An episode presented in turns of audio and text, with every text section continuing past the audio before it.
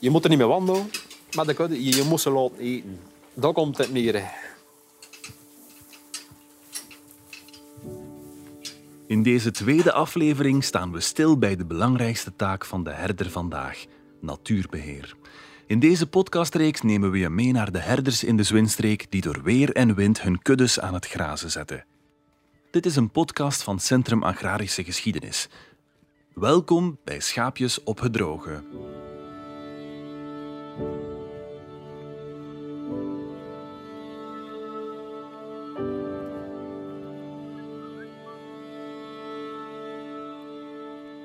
In de Zwinstreek zijn schapen onmisbaar voor het onderhoud van de natuur.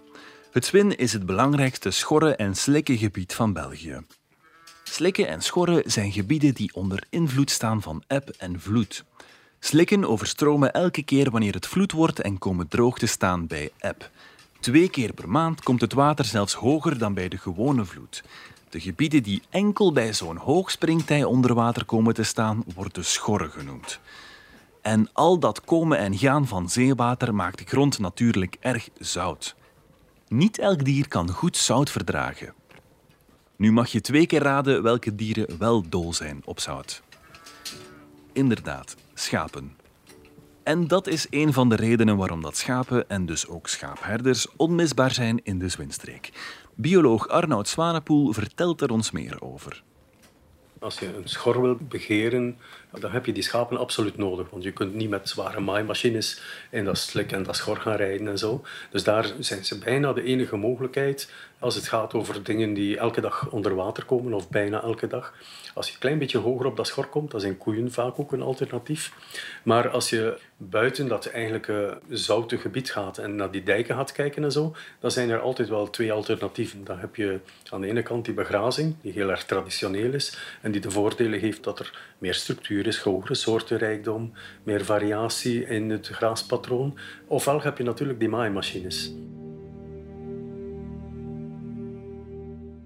Schapen die doen iets veel gevarieerder dan een maaimachine. Een maaimachine die passeert voor een natuurlijke vegetatie is dat iets heel onnatuurlijks, dat die in één keer afgemaaid wordt tot de grond en plots weg is. Beroofd van alle blaadjes, alle bloemen. Dus dat is eigenlijk een niet erg natuurlijke ingreep. Het is een zeer menselijke ingreep.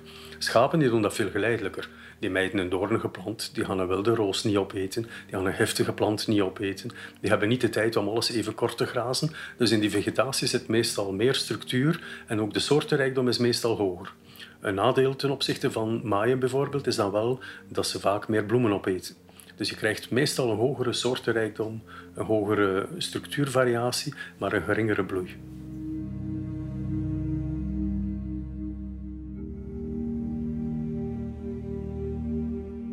In de meeste gevallen zijn herders tegenwoordig een bijzonder soort natuurbeheerder geworden.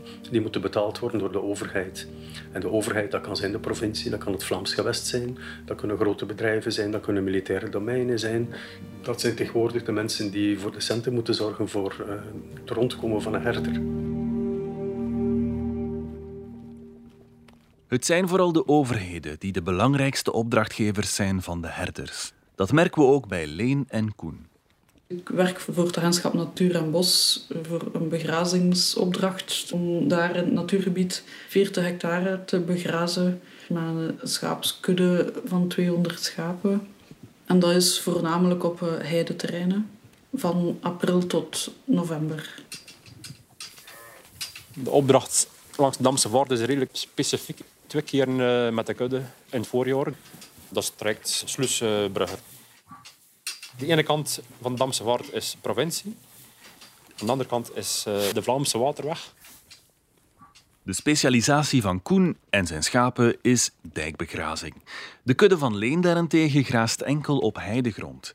Beide terreinen zijn erg verschillend en vragen een andere aanpak. Carola legt uit hoe die begrazing voor elk van beide in zijn werk gaat. De begrazing op de dijk, dat is allemaal heel kort bij elkaar. De schapen staan kort bij elkaar. Een heel korte lijntjes tussen jouw honden, die eigenlijk als levende afrostering werken, en de schapen. Die schapen is, is een compacte kudde die heel langzaam vooruit gaat en eigenlijk elk grassprietje wat ze zien opeten. Als je op de hei staat, is die begrazing veel ruimer. Die schapen staan verder uit elkaar. Dat zijn meer grotere vakken die je kunt pakken meestal. En de honden die nemen daar grotere afstanden van. Dus je bent er niet zo intens naast. Dus naast de kudde en naast je honden. Dat is een groot verschil. De begrazingen die ik hier in de buurt gedaan heb, is eigenlijk allemaal een beetje die dijkbegrazingen geweest. Dus dat korte werken met je honden en de kudde bij elkaar. Dat is iets wat, ik, uh, wat mij heel erg ligt. Oké. Een dijk laten begrazen vraagt duidelijk een ander soort aanpak dan op heidegrond. Als herder moet je dus goed weten wat je aan het doen bent. Maar wat maakt je nu juist een goede herder? Een goede herder is iemand die eh, voornamelijk oog heeft voor zijn dieren. En daar goed voor zorgt. Niet alleen de schapen heb ik dan over, maar heb ik het ook zeker over de honden. En oog heeft voor de opdrachtgevers en degene waar de begrazing plaatsvindt. Ten slotte moet je daar mee overweg, want die geven jou de opdracht. Dat moet goed lopen. Om dat natuurbeheer met je schapen goed voor elkaar te krijgen, is overleg met de opdrachtgever dus heel belangrijk. Net als terreinkennis. Er is ook altijd overleg met de opdrachtgever. er worden evaluaties gedaan op de terreinen. En, en dan heb ik ook inspraak hè, van oké, ik heb het zo gedaan. Maar dat is ook altijd met, afhankelijk van het seizoen, van het weer, van hoe vlug dat je vegetatie groeit.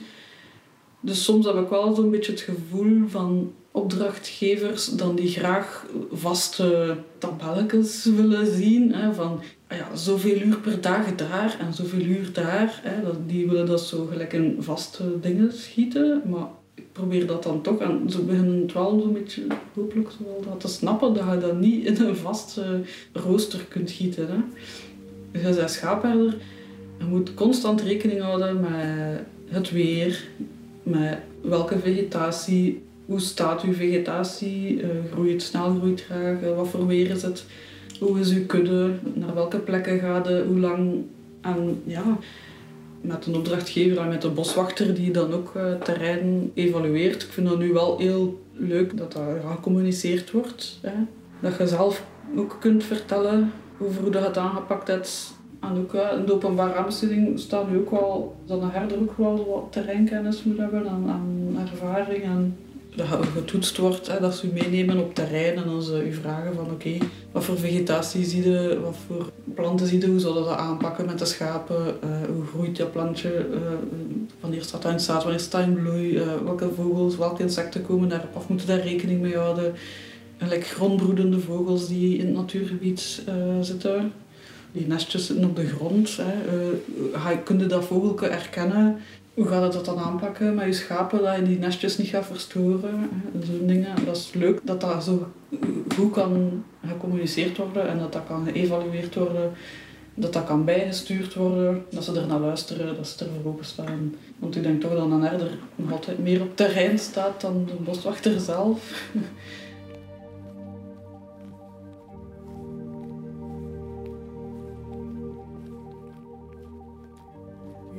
rekening houden met de specifieke eigenschappen van die vegetaties als je aan natuurbeheer doet. En die herder moet daar liefst ook iets van afweten.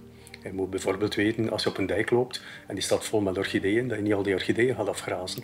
Of als je op de schorre loopt uh, um, en de zwinnenblommen bloeien en de conservator van het zwin die zegt van uh, niet op de schorre lopen waar de zwinnenbloemen in bloei staan. De lamsoren zijn dat, hè, want dan worden al die bloemetjes eraf gegeten. Dat zijn zaken waar een herder natuurlijk moet kunnen op inspelen.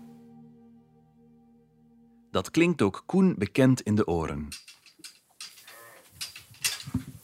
Grassen zijn dominant en groeien heel rap. Veel rapper dan die specifieke kruiden. Planten, like agrimonie en uh, kraaienlook, de dikplanten. Die komen maar uh, ja, later in het seizoen uh, een kopje boven de aarde steken. Uh, lekker orchideeën. dus ja, die snelgroeiende grassen laten afeten door de beesten. Half mei zie ik alweer weg. Toen laat je de kans aan die specifieke dijkplanten die in bloei en in, uh, en zaad moeten komen. En dat alles in staat, toen pas keer ik weer dat ze, ja, wat is dat, eind augustus zeker, of, of, september zelfs. Dat kan toch geen kwaad mee. En toen ja, is het verspreiding van de zon zelfs. Het is niet het beste gras natuurlijk, want het beste gras heb je achter mei, juni. De kudde dan tot eind december, zeker ja, zoiets. Totdat, totdat er geen eten meer staat. Dat is een beetje de taak van uh, langs de Damse Voort. Uh, mijn taak is de honden aansturen. Uh, wat dat ze wel en niet meer grazen. Het is ook niet de bedoeling dat ze de tuntjes van de meisjes kort weten. Of zelfs, ja, de boeren in de gewassen. Allee, maïs of, of, of tarwe. Of, ja. Moet er ook geen schaap zijn. Het is het lekkerste, maar dat is niet de bedoeling. Hè. Dus het is niet alleen de fietsers uh, de vrije deurengang geven. Het is ook een andere kant. Hè. Het is afblokken, dat de schaap niet te ver gaan. Aan de andere kant de fietsers. Aan de andere kant de gewassen van de boeren. Just maar achteraan is er geen hond nodig. In tegenstelling met al die andere kuddes. Ze is juist maar hond achteraan lopen. Bij min ga je nooit, of quasi nooit, uh, een hond achteraan zijn. Die nieuwe invulling van de herder als natuurbeheerder brengt ook een heleboel extra verantwoordelijkheden met zich mee. Die verantwoordelijkheden hadden de herders vroeger dan weer niet, zegt Koen. Die oude herders van vroeger, van, van, van, van 1900, dat valt totaal niet met te vergelijken met nu. Hè. Ze worden bezig met, ja, met ziektes en er worden nog geen oormerken, er worden... Allee, ze worden niet bezig met ambtenaren, met, met, met openbare aanbesteding worden ze ook niet bezig. Was, ja, ze kosten leven van de wil alleen Ik wil niet zeggen dat het allemaal beter was, zeker niet. Maar uh, ik wil een teken voor juist uh, tegen de natuurelementen te vechten en, en, en me, kunnen rechten doen.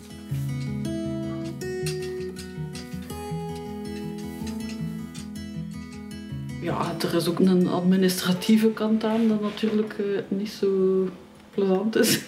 en waarvoor dat zeker vast daarvoor geen herder geworden ben. Om heel die administratie en die stress rond ja, de, de begrazing, de opdracht, dat is met contracten. Ja, er is wel altijd een uh, onzekerheid in. Ik heb nu de opdracht voor drie jaar, maar ja, dat is dan terug dat dat via een openbare aanbesteding. Dus de opdracht is voor de Vlaamse overheid werken met openbare aanbestedingen. Um, waardoor dat je dus ja, echt geen zekerheid hebt dat je ja, je opdracht voor een bepaalde duur hebt. Maar dat is altijd één jaar. Nu is het voor de eerste keer dat drie jaar is uitgeschreven. Maar die drie jaar gaan ook weer zo voorbij zijn. Dat ik daar nu al over zit te stressen van... Oh, binnen twee jaar gaat dat weer een openbare aanbesteding zijn. En ah, nee, en ja, er is toch wel wat concurrentie. En dat is niet zo fijn. Ik werk daar nu al tien jaar en ze zijn tevreden van mijn werk. Waarom kunnen ze geen onbepaalde duur geven? Als ze toch weten van ik ken mijn weg daar, de schapen kennen hun weg. Allee, dat is ook leuk om, om zo lang om je schapen dan op dat gebied te houden. Hè. Dan ze daar al generaties op generaties op ja, werken, dan maakt je schapenras sterker op dat gebied. En, ja, Niet alle schaaprassen zijn geschikt om de zwinstreek te trotseren voor natuurbeheer. Bioloog Arnoud legt uit waarom. De schapen die momenteel in natuurbeheer gebruikt worden, zijn dieren die geen al te grote energiebehoefte mogen hebben in de meeste gevallen. Omdat ze heel vaak op vegetaties moeten grazen die niet al te veel eiwitten bevatten, die kruidenrijk zijn en zo, die wel een gezond voedsel leveren, maar nu niet onmiddellijk het voedsel dat die dieren direct vlees doet aanzetten en zo. Dus er moeten rassen zijn die daar ook resistent tegen zijn, zonder al te veel bijvoedering en zo ook, want dat is in natuurgebieden vaak belangrijk, dat er geen gooi van elders in dat gebied gestrooid wordt om die dieren te voederen, want dan krijg je voedselrijke grassen en zo die die vegetaties eh, binnenkomen. Dat is niet de bedoeling. Dus het moeten schapen zijn met een behoorlijke resistentie. Een andere belangrijke factor is dat ze alleen kunnen lammeren, bijvoorbeeld. Het gebeurt vaak ook dat overdag een herder met zijn kudde op stap gaat, maar dat ze s'nachts ergens op een bepaald natuurgebied ingerasterd worden en daar blijven. En als dat in de lammerperiode is en dat schaap kan alleen lammeren, dan is dat een belangrijk voordeel ten opzichte van een schaap waar de herder altijd bij moet zijn. Elke kudde die moet eigenlijk bestaan uit schapen die geschikt zijn voor het werk wat ze moeten doen. Een heideschaap is heel goed op de heide, want dat is een bepaalde soort vegetatie waar zij heel goed in zijn.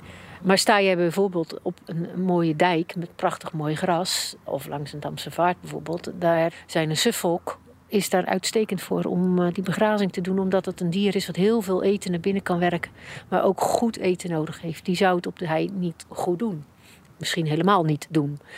Daarnaast heb je allerlei rassen die wat ruigere dingen eten. Dus je moet een beetje kijken ja, wat die schapen moeten doen om daar je kudde een beetje op aan te passen. Zwartkoppen of suffolken, de beste voor te trekken. En ook al die oude herders. Uh,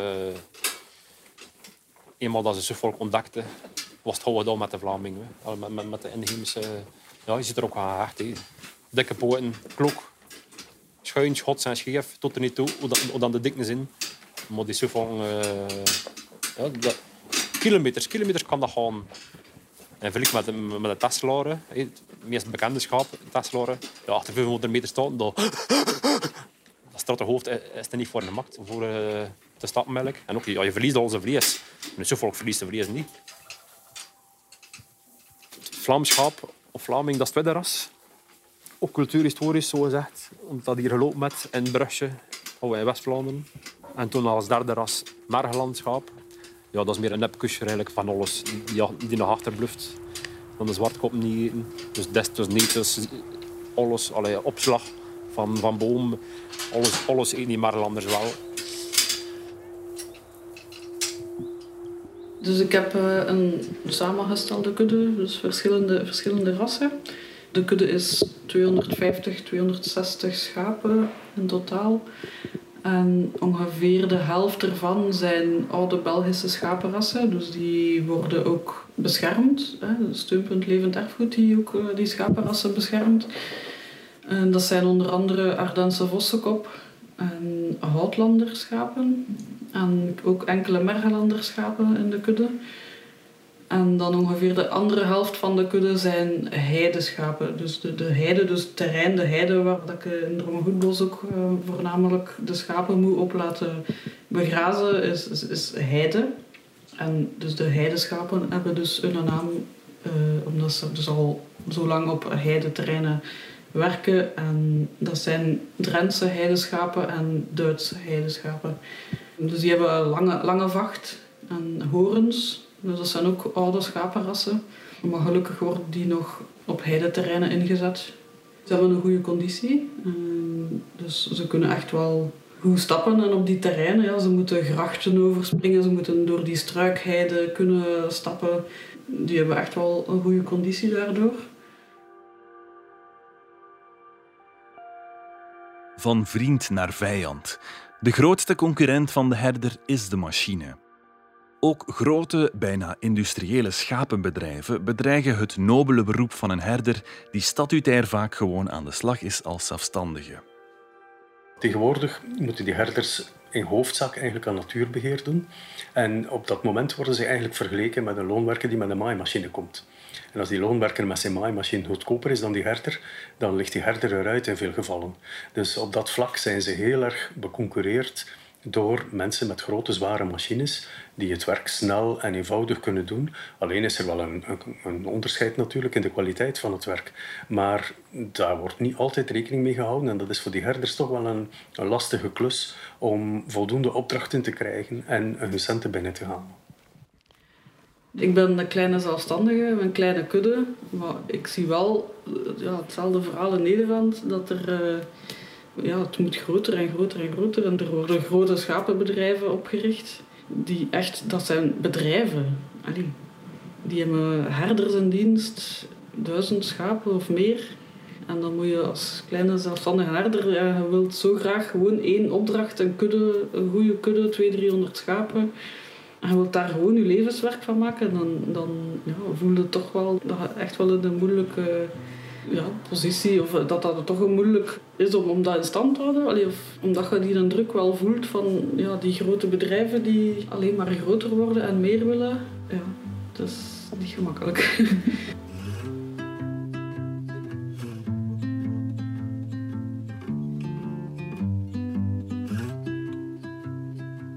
Ondanks de bikkelharde concurrentie zien bioloog Arnoud en herders Leen en Koen heel wat mogelijkheden om uit te breiden in de toekomst.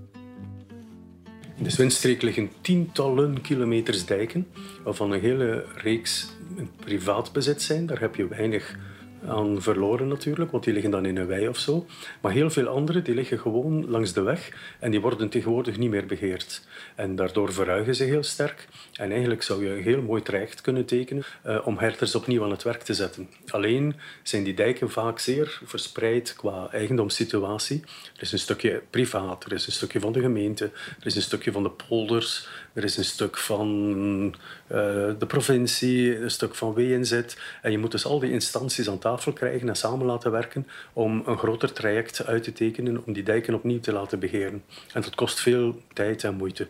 Je hebt ongetwijfeld um, mensen nodig die helpen pushen bij die overheden om samen te werken, om grotere graasgehelen te kunnen aanbieden aan die herders. De samenwerking tussen polders, tussen gemeenten, tussen ANB, tussen de provincie enzovoort zijn daarvoor noodzakelijk. En dat hangt af van mensen waarvan dat natuurlijk niet de eerste doelstelling is. Dus je moet die mensen kunnen overtuigen, het zij als herder, het zij als natuurbeheerder, om geld uit te trekken om die herders ook te helpen overleven, zeg maar. Um, en die concurrentiestrijd met goedkope machines, die is hard. Ik hoop dat ik gewoon op mijn terrein waar ik al zo lang werk, er uh, kan blijven werken, dat ik kan blijven opvolgen. Ik werk nu sinds uh, vorig jaar ook in Beelskampveld, dus er is nu ook uh, een begrazing opgestart met schapen. Ik ben ook sinds vorig jaar gestart met geiten in de kudde. Dus er lopen acht landgeiten in de kudde samen met de schapen.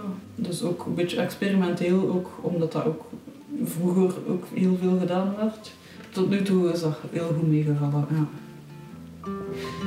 Het blijft altijd spannend of dat je opdracht hebt of niet. De toekomst, ja. Dat is morgen zeker. Ja, je, kunt, niet veel vooruit.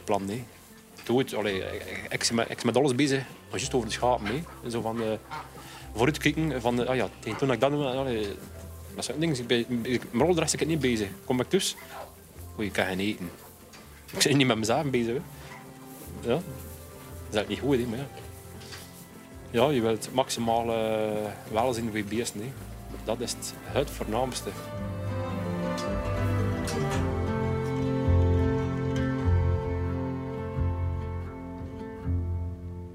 Schaapjes op het Droge is een podcast samengesteld door Centrum Agrarische Geschiedenis naar aanleiding van een houten herdershut in de collectie Bulskampveld die het CAG beheert. Meer weten over deze collectie en herders in de Zwinstreek? Surf naar www.collectiebulskampveld.be. Deze aflevering maakt deel uit van een driedelige podcastreeks. Abonneer je gratis via een podcast-app en luister meteen verder naar de andere afleveringen. In de derde aflevering vertellen de herders over hun dieren.